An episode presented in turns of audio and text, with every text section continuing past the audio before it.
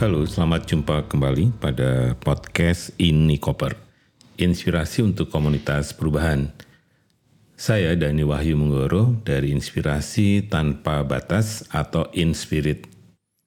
Kali ini saya ingin melanjutkan cerita pada edisi sebelumnya bahwa saya mempersiapkan diri menjadi seorang moderator sebuah talk show yang diselenggarakan oleh Kementerian Lingkungan Hidup dan Kehutanan di Indonesia Arena.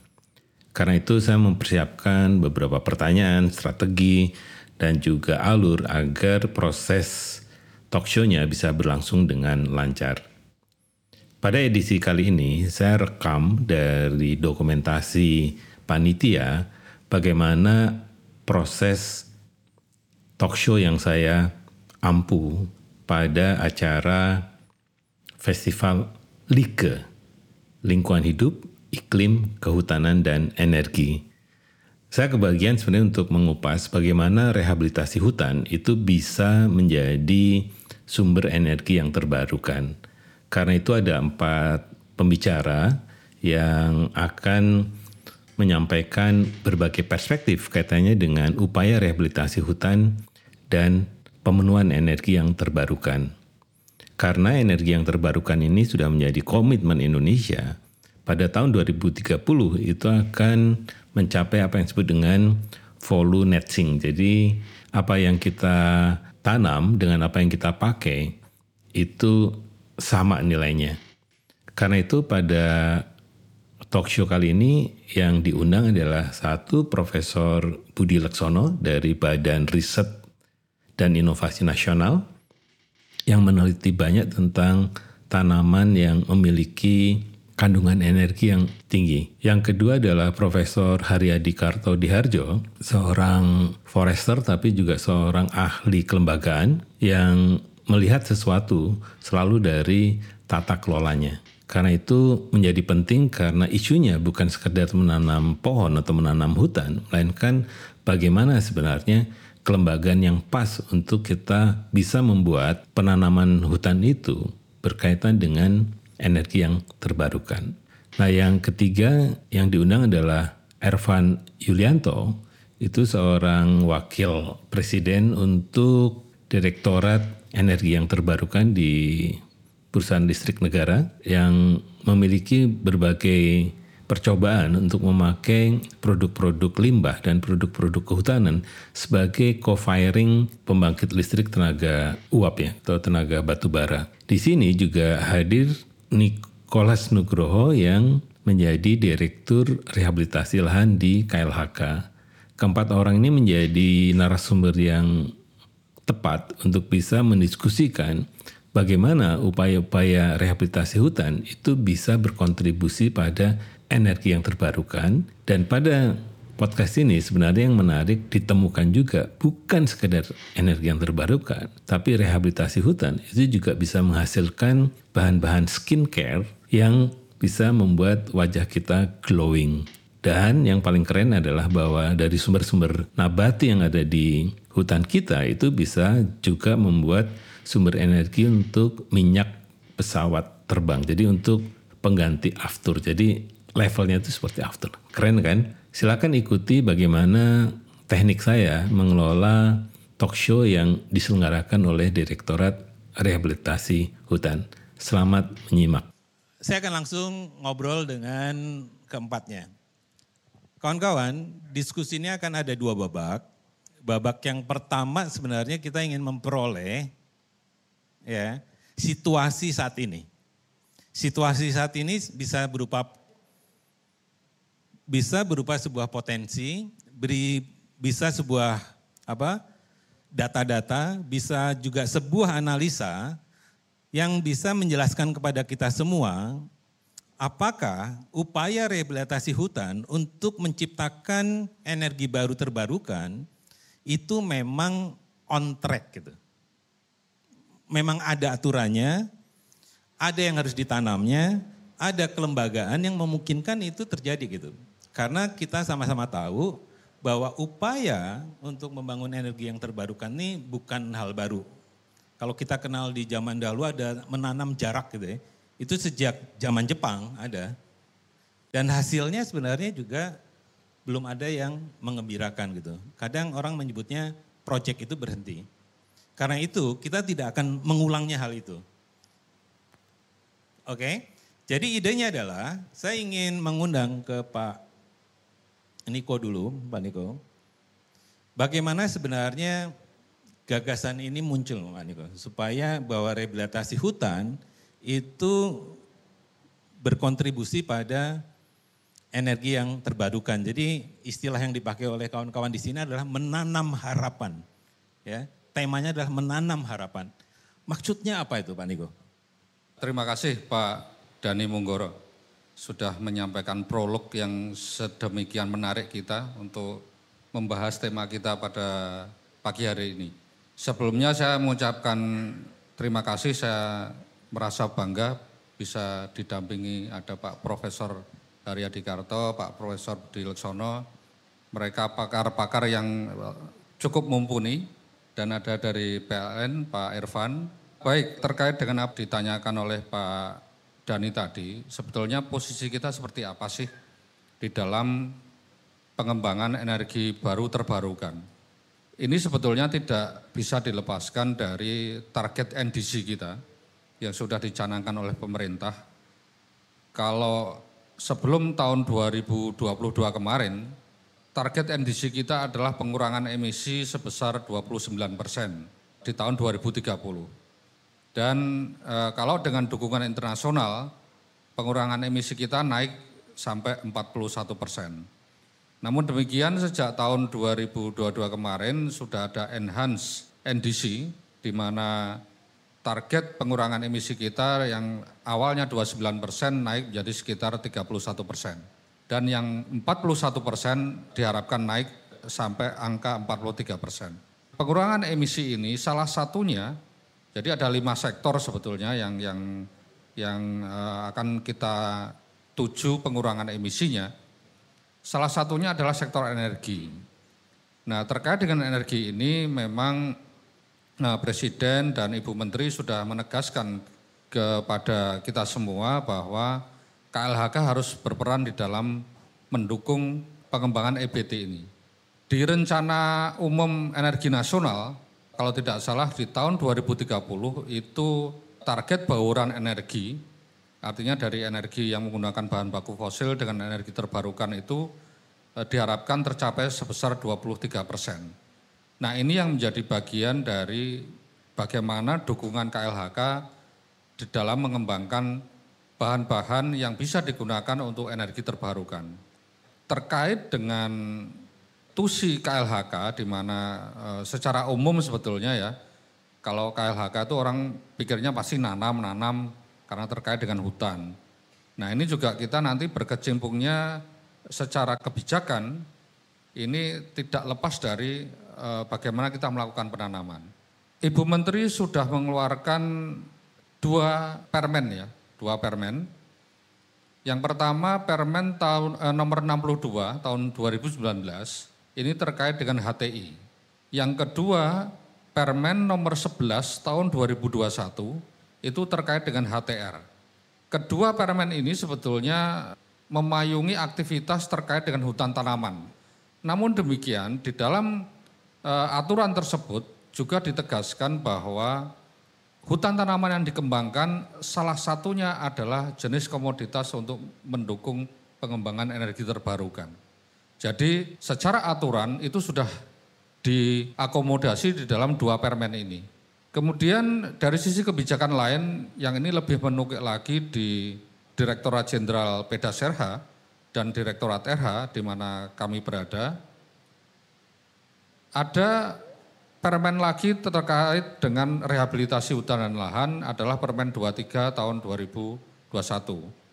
Nah ini juga eh, dalam konteks komoditas saat ini untuk kawasan-kawasan di dalam kawasan hutan, baik itu hutan produksi maupun hutan lindung, sudah tidak ada lagi pembatasan untuk jenis-jenis tertentu. Jadi kalau dulu eh, sebelum Permen 23 ini keluar, itu ada batasan, misalnya untuk kawasan hutan produksi, tumbuhan eh, tanamannya yang digunakan adalah 70% kayu-kayuan misalnya atau 30% HHPK.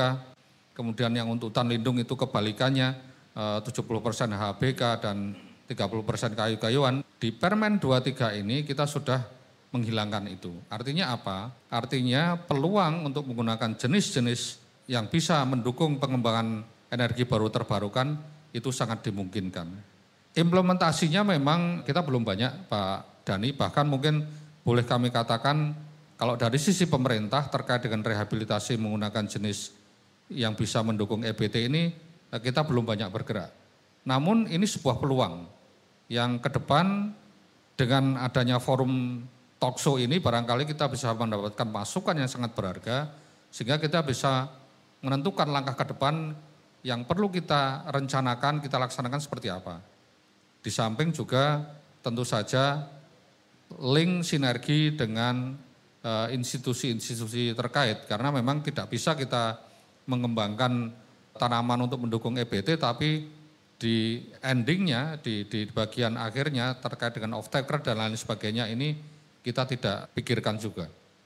Barangkali itu Pak Dani untuk membuka talkshow kita pagi hari ini. Terima, Terima kasih. kasih. Pak. Terima kasih Pak Niko. Jadi kawan-kawan semua kita bisa bayangkan sebenarnya, sebenarnya ada target-target besar ya. Bagaimana ada bauran energi pada tahun 2025 itu 23 persen tadi yang disebutkan ya. Dan itu akan naik terus sampai ke 2050. Jadi upaya energi terbarukan itu kan sebenarnya juga sumber-sumbernya terbatas ya. Kalau kita ambil dari kawasan non hutan itu kan matahari, ya angin, mungkin gelombang laut, air, sungai. Tapi yang menarik sebenarnya adalah bahwa ada niat bagaimana sebenarnya hutan-hutan kita itu juga sebenarnya bukan sekedar penyimpan karbon tapi juga bisa menjadi sumber-sumber energi yang terbarukan. Sebenarnya ingin memperoleh perspektif ya dari Profesor Haryadi, kaitannya dengan begini Mas. Ini kan kalau soal menanam pohon, itu kan kita sama-sama gampang kan, ya cari bibit, tanam gitu kan, selesai. Urusannya kan seolah-olah gampang banget. Tapi kenapa selalu menjadi begitu rumit sehingga upaya yang baik ini lebih sering gagalnya daripada berhasil ya mas? Itu gimana penjelasannya? Ya baik, eh, terima kasih. Jadi dari perspektif teknikal barangkali ya, kalau pohon bisa ditanam tentunya bisa diperbanyak dan bisa menjadi sumber banyak hal. Antara lain dalam konteks ini adalah energi gitu ya. Dan kita juga punya kekayaan tanah, hutan dan seterusnya. Jadi secara teoritis sebetulnya nggak ada masalah. Gitu ya, aspek seperti itu bisa dilakukan. Kenapa yang seperti ini kita, perlu kita bicarakan? Tentu e, pemerintah sendiri punya cara, prosedur menanam di mana tidak boleh hutan lindung misalnya begitu ya, karena itu untuk perlindungan. Pasti juga tidak mudah untuk nanam e, hal seperti ini di lahan-lahan masyarakat misalnya, sehingga pemerintah mengajukan sesuatu kondisi di lapangan yang layak untuk ditanam ini dari sisi pemilikan gitu. Kita sudah punya pengalaman sebenarnya untuk berkaitan dengan rehabilitasi hutan dan lahan itu ya. Bahkan ketika saya mahasiswa tahun 70-an itu, itu sudah ada reboisasi dan seterusnya. Persoalannya sebenarnya adalah ketika semua dinamika pembangunan ini berjalan, ada hal-hal yang menjadi tantangan kira-kira untuk memastikan itu. Yang pertama ketika tadi itu dibicarakan bagaimana ya kalau kita buat tanaman sebagai bahan baku energi baru dan terbarukan gitu daripada selalu menggunakan batu bara yang suatu saat akan habis begitu. Ide ini saya pikir harus ditunjang oleh suatu uh, kebijakan setelah melihat masalah-masalah yang ada. Nah, pertama saya ingin mengatakan begini. Soal nanam pohon ya swasta itu sudah berhasil. Kalau Bapak Ibu lihat informasinya untuk kertas ya saat ini sudah ada hasil kira-kira 8 38 sampai 40 juta meter kubik per tahun dari tanaman. Pertanyaannya, kenapa swasta bisa berhasil? Kira-kira gitu ya. Nah, pasti dia punya konsesi yang namanya hutan tanaman industri tadi. Pasti dia punya cara terbaik memilih jenis apa yang ditanam, pasti sesuai dengan bahan bakunya, pasti dia punya tenaga kerja, punya gaji, punya apa gitu, yang boleh dibilang sempurnalah situasi seperti itu kalau kita lihat di swasta. Sekarang bagaimana kalau itu ditanam oleh masyarakat, ditanam oleh pemerintah sendiri? Bagaimana kalau itu juga dikaitkan dengan lingkungan dan seterusnya? Dari situ kita mulai lihat perbedaan caranya. Tetapi kesimpulan sementara ini bisa dikatakan bahwa nggak ada masalah sebetulnya. Contohnya adalah swasta sudah bisa tuh menghasilkan 40 juta meter kubik per tahun dari hutan tanaman. Nah sekarang kalau kita ingin sesuatu hal yang terkait dengan energi tadi, pasti kemudian kita melihat hal-hal yang penting dan pengalaman di masa lalu. Satu, saya melihat bahwa kita tahu bahwa kalau pemerintah yang melakukan ini itu ada tiga fungsi hutannya. Ada konservasi, lindung, produksi begitu ya. Pertanyaannya ketika saya juga melihat praktek selama ini ternyata tanaman-tanaman yang ditanam di hutan lindung dan hutan produksi itu fungsinya konservasi. Bukan kemudian ditebangi untuk produksi seperti itu. Jadi tertentu pasti. Nah oleh karena itu juga harus mencari lokasi mana kalau begitu untuk energi baru terbarukan? Oh itu di hutan produksi yang ada di situ. Atau lahan-lahan milik masyarakat dan seterusnya yang ketika harganya bagus, eh, di Jawa pernah seperti itu untuk kayu sengon ya, tapi untuk kayu pertukangan itu tanaman akan otomatis karena masyarakat merasa ya apa salahnya begitu. Kalau punya kebun itu ditanami pohon dan itu laku dengan harga yang baik gitu persoalannya kemudian kalau ini juga diterapkan di untuk bahan baku energi baru terbarukan tadi, pertama tentu kita lihat berapa berapa itu. Nanti nanti Bapak dari PLN mengatakan berapa luas kalau dikonversi menjadi luas paling tidak untuk mensupport itu gitu. Nah, saya melihat bahwa di negara-negara kayak Jepang, kayak India segala macam itu energi seperti ini tuh tidak besar-besaran. Kayak HTI yang sekarang itu sampai 40 juta hektar gitu. Bagaimana kemungkinannya seperti ini sebetulnya untuk skala rumah tangga tidak berarti bahwa satu orang rumah tangga punya, tapi kelompok-kelompok yang ada. Sehingga uh, inovasinya sebetulnya adalah juga teknologi ener, apa, energi baru terbarukan itu kayak apa sih gitu. Nanti akan dijelaskan tentunya di situ ya. Itu sangat menentukan. Itu bisa menggunakan sebenarnya proses-proses sosial karena utamanya di sini bukan skala perusahaan seperti itu gitu ya, maka kita punya potensi yang besar sekali kalau dilihat dari tanah dan keberadaannya. Tetapi yang kemudian diperlukan adalah, nah ini contohnya kebetulan ada Bapak Kepala eh, yang di Lampung ya, ada proses-proses sosial yang bisa digunakan untuk membangun itu.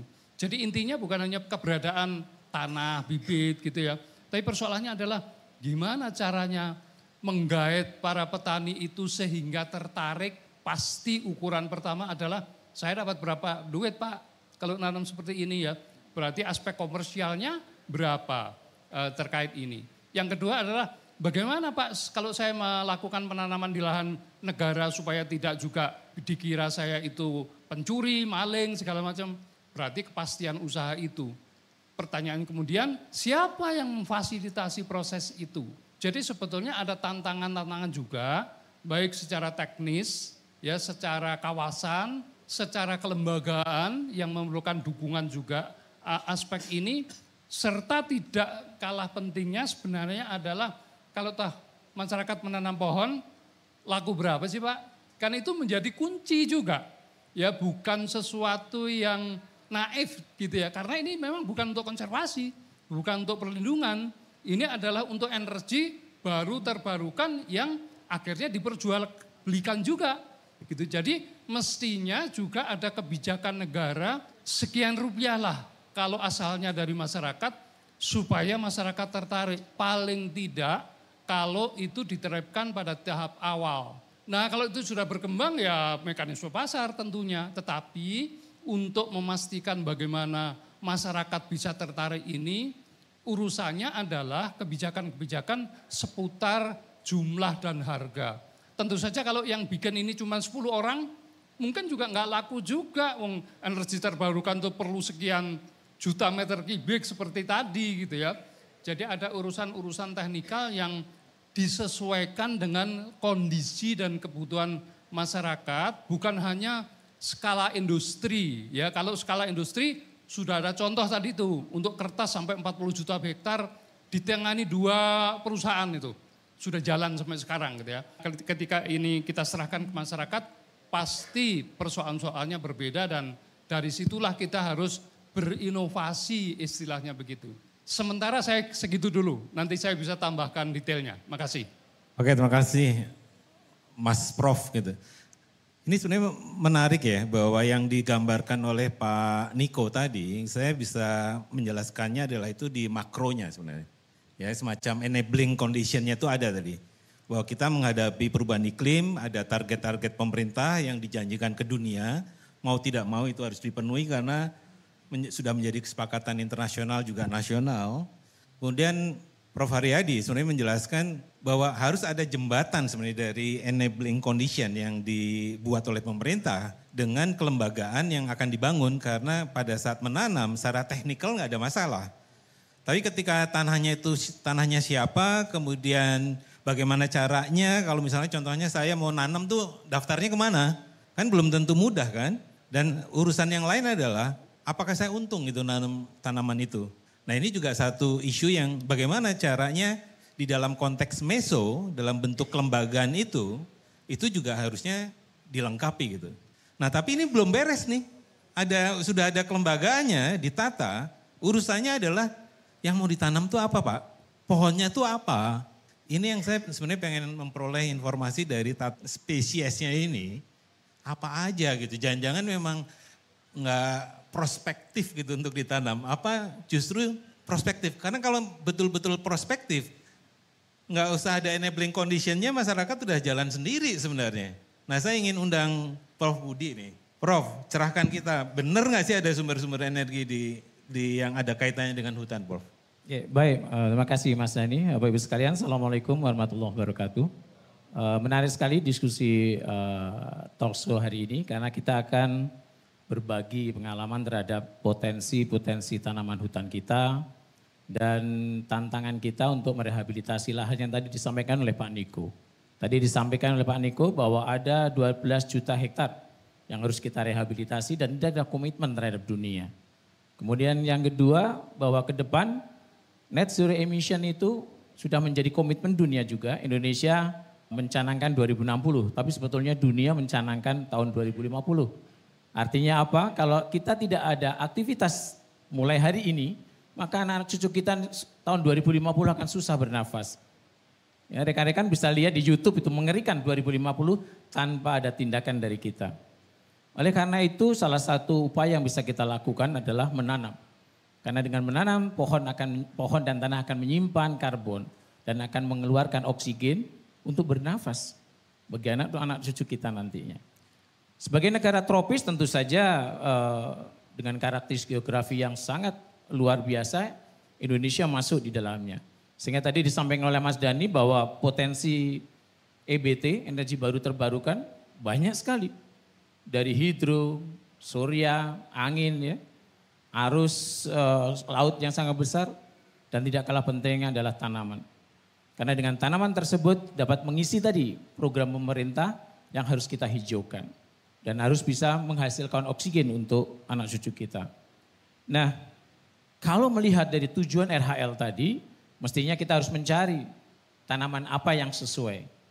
Tanaman apa yang adaptif pada kondisi-kondisi lahan yang relatif tadi disampaikan RHL sasarannya adalah lahan-lahan kritis. Yang kondisi lingkungannya sangat ekstrim. Kemudian yang kedua, apakah selain adaptif tadi, juga bisa menghasilkan sesuatu yang bisa meningkatkan nilai ekonominya. Dari buahnya, dari daunnya, atau dari kayunya. Kemudian yang tidak kalah pentingnya adalah apakah secara ekonomi visible untuk menjadi uh, komoditas yang akan menghasilkan produk yang bisa dibeli. Kalau kita menghasilkan satu produk tapi tidak ada yang beli, maka tidak akan untung. Oleh karena itu Indonesia mempunyai harapan yang sangat besar untuk itu. Karena apa? Kalau terkait dengan tanaman, di negara empat musim, tanaman itu hanya tumbuh dalam waktu tiga bulan. Di, di musim summer saja. Ya, dari bulan Juli sampai September. Selepas itu 9 bulan apa? Dingin. Di musim gugur, daun menggugurkan bagaimana mau tumbuh. Tidak ada proses fotosintesa. Tiga bulan. Setelah itu musim salju, apalagi musim salju. Semua pohon diliputi oleh salju. Setelah itu baru masuk musim semi. Baru muncul tunas-tunasnya untuk mempersiapkan melakukan fotosintesa. Pada saat saya mengalami hidup di negara empat musim, saya membayangkan luar biasa kita harus bersyukur di Indonesia. Sepanjang tahun, 12 bulan kita dapat matahari. Oleh karena itu dunia sekarang pada saat terjadi krisis energi tahun 2006 akan melirik negara tropis. Salah satunya adalah Indonesia. Karena kita mempunyai keanekaragaman jenis hayat yang luar biasa, yang terbesar nomor dua di dunia setelah Brazil. Banyak jenis tanaman kehutanan yang bisa kita kembangkan dan asli Indonesia. Kita bisa lihat di slide ini, salah satunya adalah nyamplung. Selain nyamplung banyak sebetulnya, malapari atau pungamia pinata, kemudian uh, kepuh, kemudian apa namanya kesambi dan lain sebagainya. Kalau kita bicara untuk biodiesel dan bioaftur atau uh, sustainable aviation fuel atau SAF, minyak pesawat, maka kita hanya bisa melihat gampang saja. Bu, uh, tanaman yang bisa menghasilkan buah dan ada bijinya, dia bisa menghasilkan biodiesel. Bisa menghasilkan bioaftur. Tapi kalau tanaman untuk menghasilkan bioetanol, untuk menghasilkan premium, prinsipnya yang ada karbohidratnya saja yang bisa menghasilkan tepung. Dengan proses fermentasi dia akan menghasilkan etanol, bioetanol. Oleh karena itu salah satu jenis yang merupakan eh, andalan saat ini yang bisa dikembangkan dari aspek kehutanan adalah nyamplung. Karena setelah kami lakukan penelitian selama 15 tahun, kebetulan saya melakukan penelitian sejak tahun 2008, di saat krisis energi, di saat Indonesia menjadi net oil importer tahun 2004, dan 2016 kita import BBM 1 juta barel per hari, bayangkan, devisa kita melayang. Dengan kebijakan B35 otomatis kita akan mengerem devisa yang hilang tersebut dan kita bisa efisiensi devisa sampai 171 triliun rupiah. Oleh karena itu pada kesempatan sini akan saya sampaikan terkait dengan keunggulan tanaman kita asli Indonesia. Asli loh, asli Indonesia ini natif. Kebetulan saya sudah eksplorasi dari Sumatera sampai Papua dan itu semua ada. Asli Indonesia tersebar sangat luas. Dan indikasi bahwa tadi persyaratan RHL harus tumbuh di berbagai kondisi lingkungannya berbeda, maka indikasinya adalah tanaman yang adaptif adalah tanaman yang sebaran alamnya sangat luas. Salah satunya nyamplung. Nanti di sesi kedua akan saya perlihatkan bagaimana sebaran nyamplung di Indonesia. Dan ini toleran di lahan kritis. Kita sudah menanam di lahan eks kebakaran di Bukit Soeharto, sudah tumbuh dan sudah berbuah.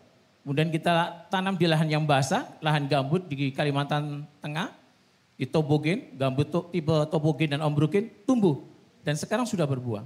Minggu lalu saya eh, mengantar tamu dari Korea yang tertarik untuk mengembangkan nyamplung untuk melihat hasil penelitian itu. Apalagi di mineral.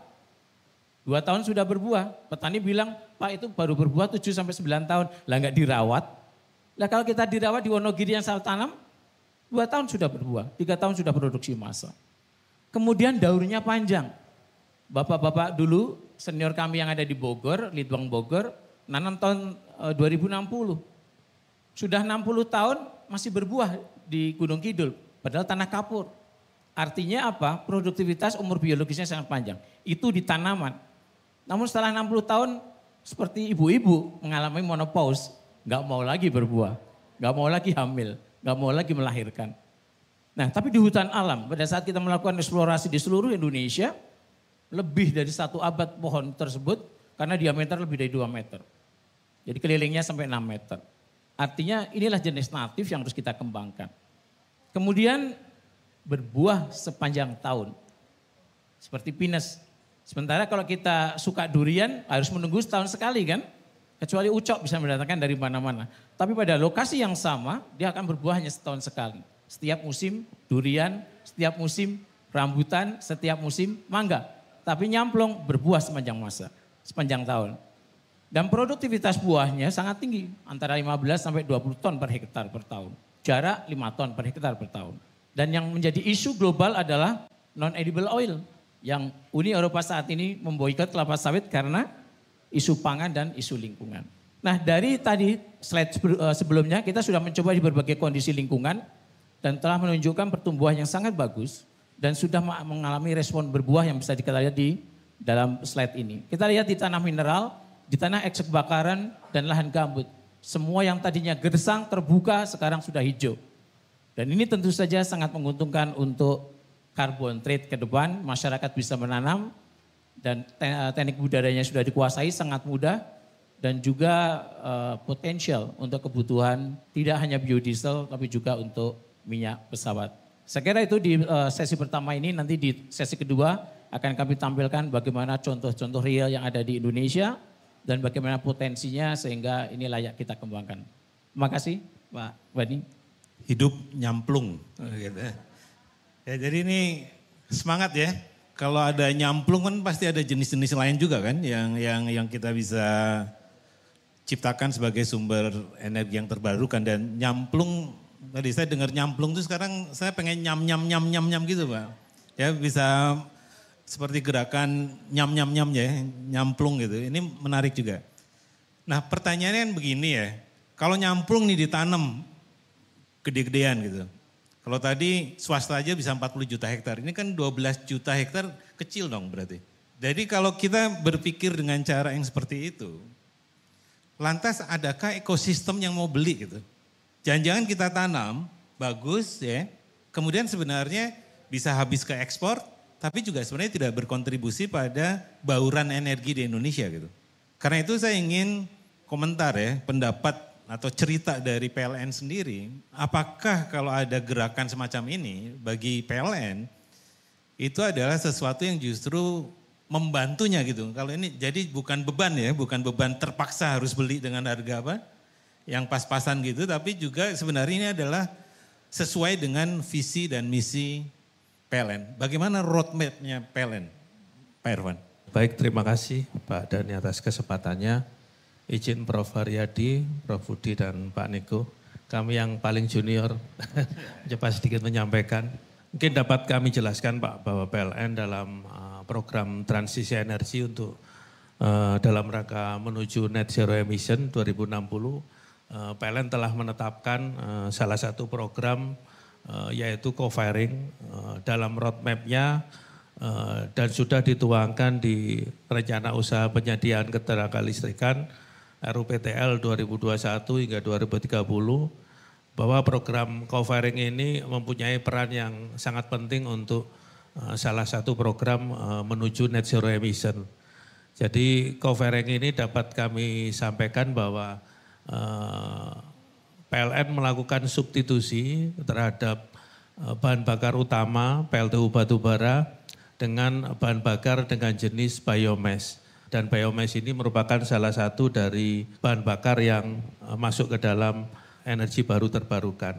Dan dengan potensi ketersediaan bahan baku yang cukup melimpah di Indonesia, tadi disampaikan oleh Pak Niko bahwa kami mencoba mengklasifikasikan ada produk-produk dari kehutanan atau dari wood base yang sudah kami gunakan eh, berupa sodas, eh, berupa wood chip, dan yang salah satu produk unggulan juga berupa wood pellet.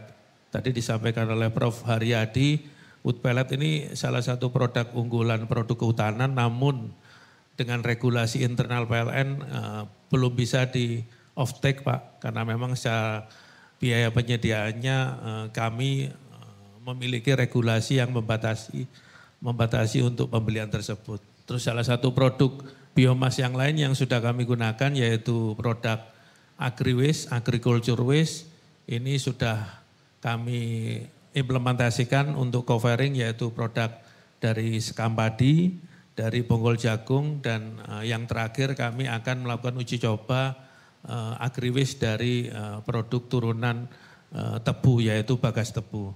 Dan uh, yang potensial juga uh, yaitu salah satu produk dari palm base uh, dari uh, kelapa sawit uh, kita sudah menggunakan juga cangkang sawit dan pelet tandan kosong. Eh, namun produk ini memang sekali lagi kami masih dibatasi dengan regulasi, dengan eh, kompetisi di luar ya Pak, di ekspor. Eh, tentunya market luar ini lebih menjanjikan daripada market yang saat ini PLN sebagai off-takernya. Jadi cangkang ini karakteristiknya, cangkang sawit karakteristiknya hampir mendekati batu bara dengan nilai kalor dan karakteristik partikelnya juga, namun ini menjadi uh, menjadi mutiara hitam, Pak, bagi pelaku industri uh, perkebunan kelapa sawit untuk diekspor sebagai covering juga untuk pembangkit-pembangkit milik negara lain. Dan yang terakhir kami juga mengembangkan bahan bakar jumputan padat dari produk uh, proses pengolahan sampah. Terus implementasi covering PLN ini uh, tadi sudah kami sampaikan bahwa kami memulai dari tahun 2021 dan roadmap-nya menuju 2030. Dari tahun ke tahun kami ditargetkan kenaikannya 200 kali lipat Pak, hampir 200 kali lipat. Dan tahun ini kami ditarget di 1 juta, 1 juta ton penyediaan bahan bakar biomasnya. Tahun depan kita naik 2,2 kalinya sebesar 2,83 dan puncaknya nanti di 2025 Pak kita akan naik 10,2 juta. Dan ini inline dengan salah satu uh, program pemerintah yang untuk net zero emission. Di 2025 uh, pemerintah mencanangkan 23 persen transisi energi dari bauran energi baru terbarukan. Dan untuk uh, covering sendiri mengambil berkontribusi sebesar 3,6 persen. Dan 3,6 persen ini didapatkan dari 10,2 juta biomass yang harus kita sediakan menghasilkan 12 12,7 terawatt hour energi bersih dan diimplementasikan untuk 52 unit pembangkit PLTU PLN dengan daya terpasang sebesar 18,9 gigawatt. Terus uh, terkait covering ini juga bahwa covering ini memang memiliki uh, nilai tambah atau keuntungan bagi PLN sendiri maupun bagi uh, masyarakat luas. Jadi yang pertama uh, covering uh, penggunaan biomas ini merupakan salah satu dari uh, energi baru terbarukan dan uh, konsep yang kami kami ibaratnya konsep penyediaan biomas ini merupakan konsep sirkular ekonomi atau ekonomi kerakyatan Pak. Karena berbeda dengan uh, energi primer lainnya yang semuanya sifatnya korporasi, untuk bahan bakar biomas ini eh, konsepnya ekonomi kerakyatan dan berbasis sirkular ekonomi.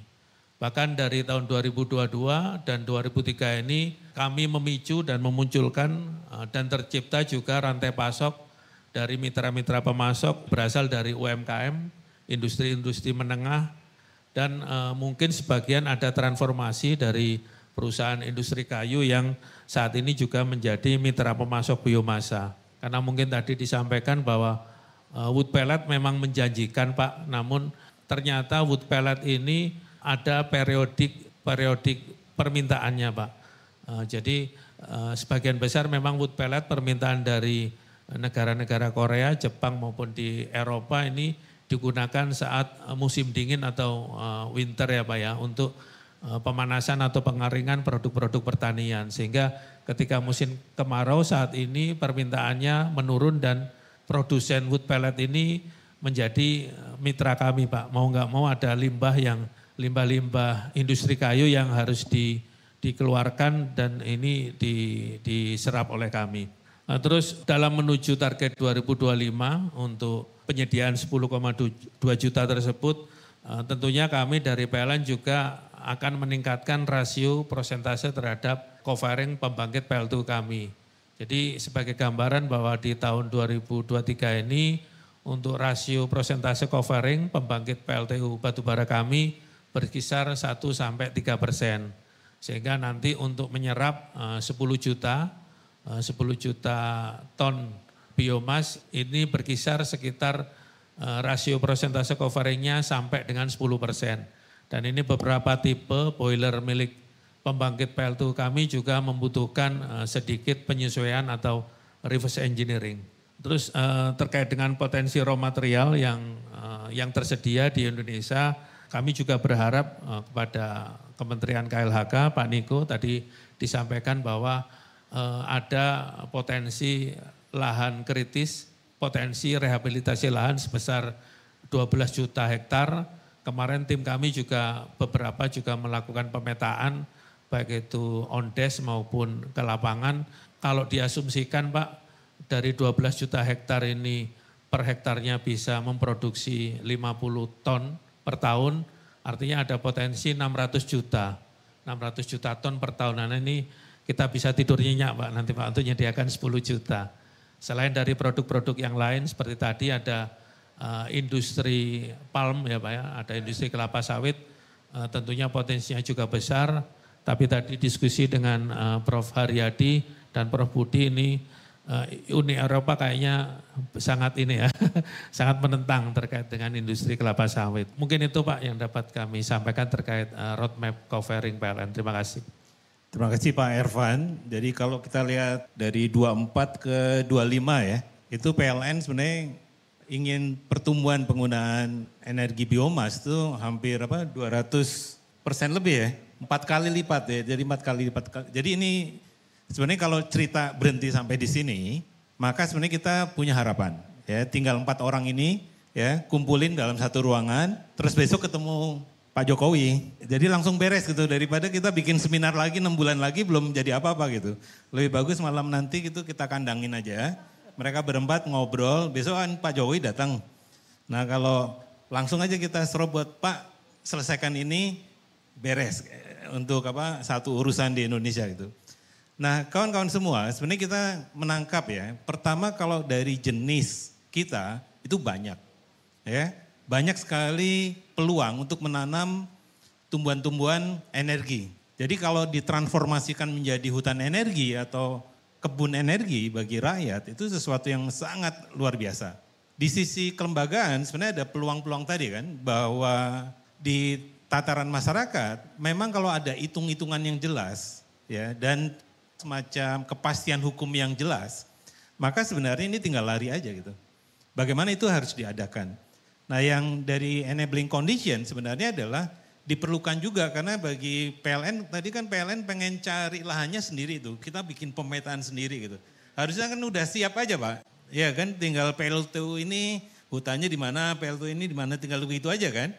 Ini kan PLN aja sampai mau turun tangan. Jadi di enabling conditionnya sebenarnya penting juga apa PR-nya RH untuk bisa melakukan supaya ini selaras gitu pak. Jadi semangat dari off taker itu difasilitasi oleh KLHK, kemudian kelembagaan yang pas dan sebagainya. Tapi sebenarnya itu hanya imajinasi saya sebenarnya. Yang ini saya saya ingin gali sebenarnya sekarang, saya ingin mulai dulu dari Prof Haryadi sebenarnya. Ini kan urusannya itu kalau soal tanam menanam itu pertama ada kabarnya tuh kabar buruk dulu, Pak. Jadi upaya teman-teman tuh nggak pernah di apa nggak pernah dipuji asalnya gitu ya. Selalu itu seolah-olah gagal, seolah-olah ya. Kalau urusan nanam di rumahnya sukses semua Pak. Ya nanam mangga, nangka segala macam itu sukses tuh. Tapi ketika ini urusan negara, itu tiba-tiba yang sukses justru privat. Kita yang upaya yang kadang berbuat baik ekonomi kerakyatan, ekonomi komunitas gitu, kok kayak tersendat-sendat terus. Ini apa sih challenge-nya dan inovasinya secara kelembagaan apa sih Prof yang kita bisa share ke teman-teman di sini? Silakan Prof. Jadi uh, memang kemudian uh, Bapak Ibu sekalian kalau menghubungkan antara energi baru terbarukan ini dengan masyarakat ya, uh, barangkali kita harus mencari uh, titik kritis sebetulnya apa yang menjadi pemicu atau insentif bahasa ekonominya ya bagi masyarakat itu sendiri itu nomor satu sebetulnya karena keberhasilan beberapa tempat ya lokasi yang saya datangi misalnya uh, untuk tanaman-tanaman yang dikembangkan masyarakat itu kuncinya adalah insentif sistem sebenarnya. Itu termasuk dari situ adalah hak atas tanah. Jadi kalau ini menggunakan tanah negara, prinsipnya sebetulnya adalah keamanan menggunakan itu sampai beberapa tahun kemudian dan itu sebenarnya secara administrasi ada skemanya. Ya, apakah hutan tanaman rakyat, hutan kemasyarakatan dan seterusnya. Jadi itu yang menjadi poin pertama kalau saya lihat dihubungkan dengan masyarakat. Nah, ketika dikaitkan secara khusus dengan uh, apa energi baru terbarukan, tentu pertanyaannya kemudian adalah pertama skala saya kira ya untuk membuat satu tadi itu uh, 50 ton per hektar per tahun, kemudian dikalikan sekian hektar itu pasti ada sesuatu. Nah, pertanyaannya adalah kalau kemudian harus mensuplai itu secara kontinu, karena itu juga menjadi sebuah critical point barangkali bagi PLN-nya gitu ya. Ya kalau su suplainya tersendat-sendat gimana tuh nasib kan begitu. Nah ini nggak bisa sebenarnya hanya satu aspek forestry menanam pohon. Tapi saya melihat bahwa ketika EBT baru terbarukan ini kementerian mana sebenarnya yang harus join together gitu ya. Kerja bareng dengan Pemda, memastikan ruang, memastikan peningkatan uh, apa istilahnya modal sosial masyarakat yang terlibat. Dan itu biasanya pengalaman-pengalaman rehabilitasi yang berhasil itu itu yang pertama. Ketika masyarakat masyarakat kita itu tidak bukan orang yang netral loh. Sudah juga kena problem korupsi sudah juga kena problem ditipu orang gitu sehingga kita ada ketika ada program baru ini apalagi nih datang ke sini Kan begitu secara umum. Pengalaman teman-teman yang sukses di Lampung, Kalimantan Barat, saya melihat juga di Ambon beberapa tempat, itu trust, trust building itu sering diabaikan. Padahal sebenarnya kuncinya kalau ini dikaitkan dengan sosial dan didukung masyarakat itu, tadi yang dari Lampung itu dua tahun Pak, untuk membangun sesuatu yang akhirnya kita bisa saling percaya. Nah persoalannya adalah ketika program ini bobotnya kepada teknikal, ya bibit lah, gitu ya, luas lah. Tidak sesuatu yang terkait dengan kebutuhan sosial secara langsung, itu biasanya gagal mas. Dan kita sudah tahu di mana-mana seperti itu. Jadi pertanyaannya adalah ketika ada suatu pengembangan energi baru terbarukan di suatu tempat, sekaligus kumpul antara gitu ya. PLN-nya dalam artinya tentu ada kementerian tertentu, supportingnya, pengembangan masyarakatnya itu menjadi kesatuan pendekatan kira-kira itu yang tentu saja berbeda kalau kita membangun ini di Jawa Barat katakanlah gitu dengan di Sumatera Utara, dengan di Lampung, dengan di Kalimantan Barat sangat spesifik. Nah biasanya penyakitnya itu adalah ketika ini berupa proyek itu orang lebih memikirkan administrasi daripada proses-proses sosial begitu. Nah itu juga dihindari. Jadi pendek kata sebenarnya kita butuh wujud real sebenarnya. Yang pertama, hubungan antara energi baru terbarukan ini dengan kemampuan mendukung masyarakat secara sosial menghasilkan bahan bakunya. Contohnya di mana sih gitu. Nanti itu akan menjadi dalil dalam tanda petik gitu ya secara nasional yang bisa disesuaikan kalau di Papua gimana, kalau di Sulawesi gimana, Kalimantan gimana, yang landasan utamanya bukan lagi teknologi, tapi sosial sistem.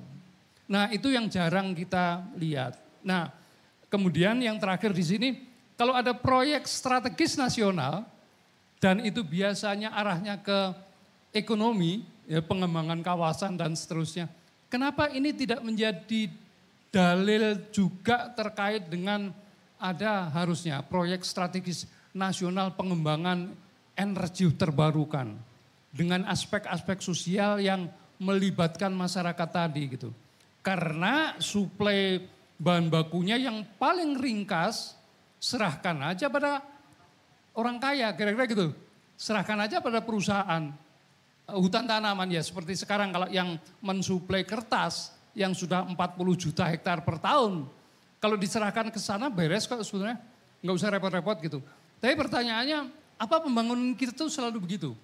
Selalu kalau ada ide baru itu pasti konglomerasi. Masyarakat lokal itu penonton gitu. Saya kira prinsip itu juga harus ditumbangkan dengan bukti nyata di lapangan gitu.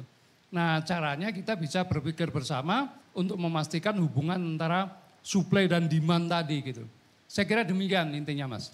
Kayak menarik ya bahwa kalau dalam konteks sosial itu ada satu ada gium gitu yang menyatakan communication is everything, Pak. Jadi kalau di sosial tuh kalau ada problem seperti Jokowi itu nebak pasti problemnya komunikasi. Di komunikasi yang buruk ini sebenarnya akan memperkeruh sebenarnya gagasan yang cemerlang. Jadi gagasan cemerlang itu kadang bukan pada inovasinya tapi pada ketika how to communicate, ketika trust building tadi kan itu soal komunikasi. Ya kan, kalau saya sering ketemu Pak Haryadi ya saya ngomong, hey mas atau nempuk-nempuk punggung udah aman gitu. Cuma kalau Mas Budi itu baru ketemu sekarang, saya nempuk itu, sopo kue? Kamu siapa kok bisa nempuk-nempuk saya gitu. Itu yang kan si trustnya itu yang kadang sering dilupakan karena seolah-olah kolaborasi itu hanya share vision. Bukan, dia trust, berbagi trust, share trustnya bukan visionnya doang gitu. Sekarang sebenarnya ketika kita bicara vision ya, Mas, saya ingin ke Prof Budi nih. Ini kan kalau kita di di model bisnis akan ada branding ya. Seperti misalnya kita tuh tertipu, katanya branding itu marketing atau manipulasi. Ya karena kita nggak butuh aja sekarang semuanya di Tokopedia pesan yang harganya berapa nggak penting-penting amat kita beli gitu. Ya di Shopee atau di TikTok gitu. Sampai ibu-ibu bilangnya gini, pokoknya saya nyobain masak, kalau menunya dari TikTok pasti sukses. Kebayang nggak itu? TikTok itu faktor penentu enak dan tidak enaknya makanan. Bukan lagi guru-guru masak gitu. Nah saya ingin dari Prof Budi, ini kan nyamplung, eh, waktu ngobrol tadi dengan Prof Budi, saya kan jadi tertarik gitu. Kadang, wes ngoleh tanah weh nanam nyamplung gitu. Untuk apa, wanti-wanti pensiun gitu ya, dan sebagainya gitu. Brand, vision itu gimana mas, supaya rakyat itu bisa cepat gitu ya, merespon bahwa ini sebenarnya bukan sekedar tanaman biasa, tapi sebenarnya tanaman yang memiliki potensi ke masa depan? Apakah dari visionnya dulu atau sebenarnya dari praktek-praktek kesuksesan dulu gitu? Kalau menurut Mas Budi gimana Mas? Baik, terima kasih. Ini yang uh, saya sampaikan terhadap peluang-peluang bisnis tadi dan juga potensi yang ada. Pada saat kita akan bicara, uh, bicara masalah komoditas untuk bisnis, maka kita harus yakin bahwa ada demand, ada permintaan. Kalau tidak ada permintaan berarti tidak ada pasar. Banyak sekali eh, saran-saran dari para pakar misalkan menyarankan nanam A sampai Z. Menyediakan bibit A, jenis A sampai Z. Tapi begitu ditanam siapa yang mau membeli? Tidak ada pasar, tidak ada demand. Oleh karena itu seharusnya kita harus menangkap apakah ada demand dari user atau stakeholder. Nah, nyamplung ini setelah 15 eh, tahun, saya memulai 2008 pada saat terjadi krisis energi, saya belum bayangkan apakah ini akan laku nanti di pasar. 15 tahun kemudian mulai berdatangan dari Jepang. Sekarang di perusahaan yang ada di Indonesia nasional tahun ini akan mulai juga dengan menggandeng masyarakat. Tadi sampaikan oleh Mas Dani bagaimana mengajak masyarakat.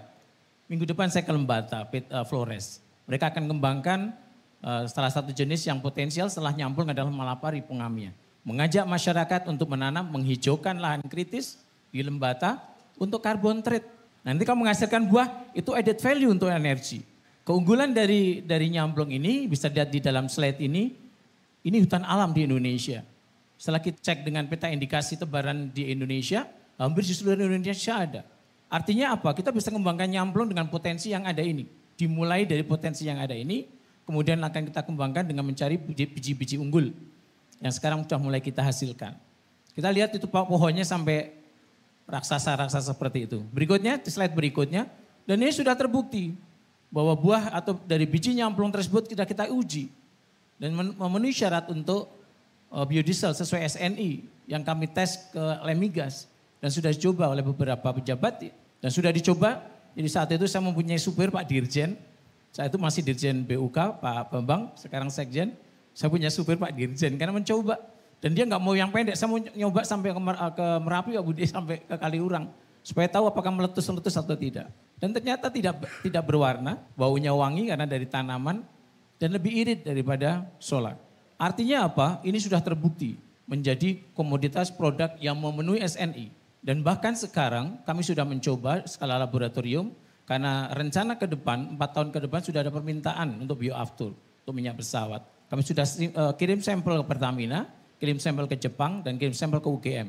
Hasilnya semua menyatakan nyamplung layak untuk bioaftur. Pasar sudah ada, demand sudah ada. Sekarang bagaimana kita serius untuk menghadapi itu? Menangkap peluang itu menjadi satu bisnis yang mengajak masyarakat juga ikut berpartisipasi. Di saat kita akan mengembangkan komoditas dengan skala industri, permasalahannya adalah limbah. Jadi kita harus mengikuti motonya pegadaian ya, menyelesaikan masalah tanpa masalah. Jangan menyelesaikan masalah muncul masalah baru. Produk dihasilkan tapi limbah menjadi masalah baru.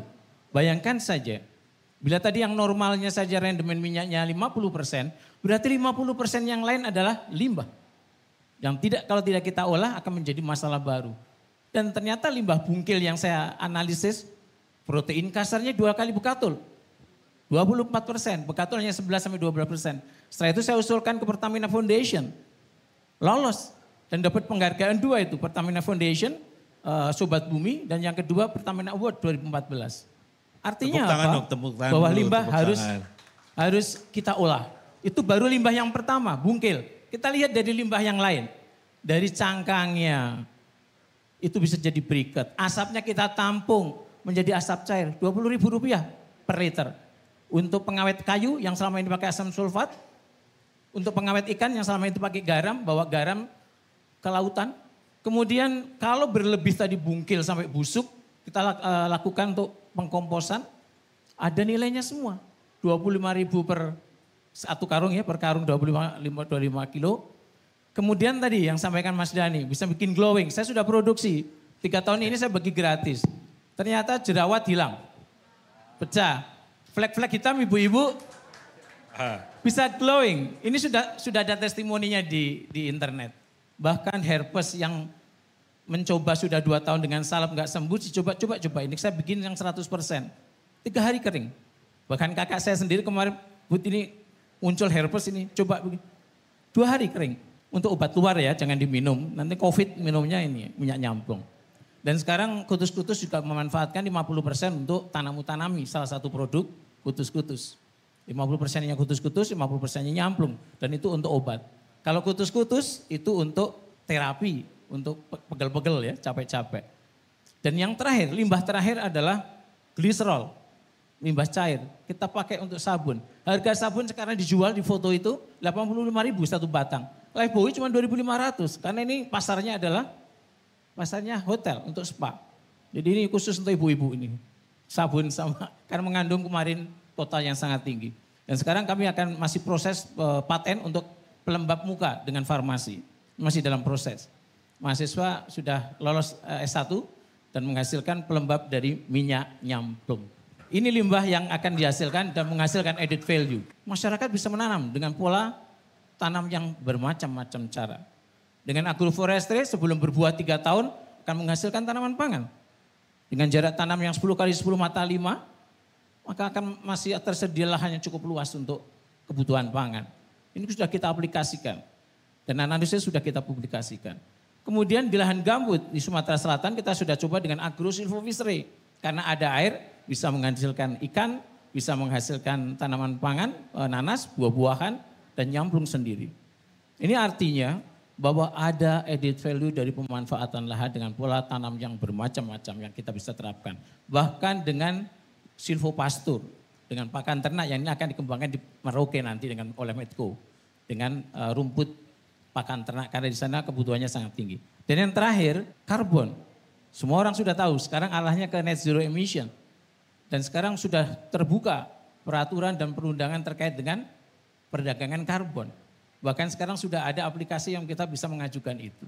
Beberapa perusahaan yang kerjasama dengan kami Terveva rencana akan kerjasama ini sudah menghasilkan karbon trade di Paraguay tanaman untuk 30 tahun. Masyarakat menanam belum menghasilkan apa-apa sudah dikasih insentif. Permasalahannya adalah siapa yang mau bayar. Nah ini kan masih dikaji oleh KLHK. Sekira inilah harapan besar kita ke depan. Yang penting adalah bahwa pada saat kita akan mengembangkan suatu komoditas apalagi EBT yang tidak hanya untuk memenuhi kebutuhan BBN dunia, isu global. Karena insya Allah tahun ini kita akan mulai nanam dengan 2000 hektar per tahun untuk memenuhi permintaan dari Jepang. 1000 ton abi aftur per tahun. Dan mereka juga bersedia menjadi off taker. Kalau bisa lebih dari itu maka mereka akan jual ke Eropa dan Amerika. Karena apa? Karena ini non-edible oil. Jadi sudah menjadikan salah satu solusi untuk EBT non-edible oil. Dan yang kedua adalah dia evergreen tanaman nyamplung dan tanaman malapari. Sehingga dia akan bisa menutupi kebutuhan untuk menunjang program net zero emission di tahun 2050 dan 2060 untuk Indonesia. Intinya adalah mewujudkan peluang tersebut perlu kolaborasi ya semua pihak baik dari pemerintah terkait dengan regulasi, industri yang akan mengolah menjadi suatu produk dan masyarakat untuk memberikan jaminan bahan baku. Ingat, jaminan bahan baku. Ini intinya. Kalau tidak sustain, komoditas yang kita jual tidak sustain setiap tahun, tidak bisa memenuhi kebutuhan industri maka tidak akan berlanjut. Dan yang terakhir adalah ada jaminan pasar. Mungkin itu Pak Mas Dani bahwa inilah harapan ke depan Indonesia mempunyai potensi yang luar biasa.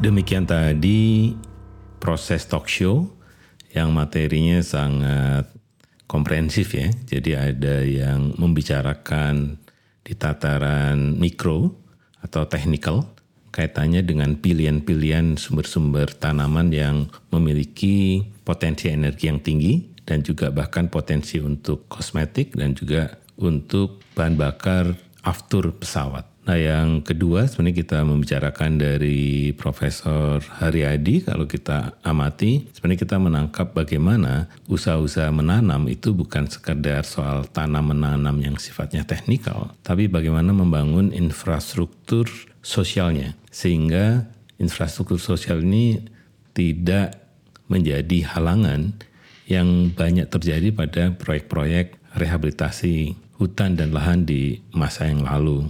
Nah yang ketiga sebenarnya kalau kita belajar dari off takernya PLN, mereka sebenarnya membutuhkan biomas yang cukup tinggi, hanya memang ada problem kebijakan soal harga yang disetarakan di bawah harga batu bara. Jadi ini kan kompleks sebenarnya. Jadi upaya kita memperbaiki lahan-lahan kritis yang luasnya sekitar 12 juta hektar itu, itu tidak sesederhana yang kita bisa bayangkan bahwa tanami saja karena di situ ada proses sosial, ada proses politik juga dan yang paling penting sebenarnya adalah juga proses di tataran enabling condition, di tataran kebijakan yang justru tidak mendukung inisiatif yang bagaimana supaya hutan juga punya peran di dalam penyediaan energi yang terbarukan. Itu saja ini koper kali ini. Fokus saya sebenarnya pada teknik-teknik yang kita bisa pakai pada saat kita diminta menjadi moderator. Yang pertama menurut saya adalah tuh kita harus kenal ya tahu dari secara person to person orang yang akan ada di dalam talk show kita yaitu para narasumber. Kita harus belajar misalnya dari kurikulum vitae-nya, boleh jadi kita cari di YouTube dan sebagainya untuk tahu siapa dia sebenarnya. Kalau kita kenal maka pertanyaan-pertanyaannya akan menjadi lebih mudah. Yang kedua, saya melakukan apa yang disebut dengan membuat desain alur, sehingga membantu saya menyederhanakan pertanyaan apa saja yang penting disampaikan kepada narasumber. Nah yang tiga sebenarnya adalah hindari menggunakan slide sebenarnya karena kalau ada slide terus terang tetap mengganggu dan menghabiskan waktu banyak. Padahal waktu yang disediakan oleh panitia itu sangat sedikit. Jadi kalau tiga hal ini dilakukan oleh seorang moderator, saya memiliki percayaan bahwa talk show kita akan berhasil. Begitu saja, sampai jumpa pada edisi berikutnya.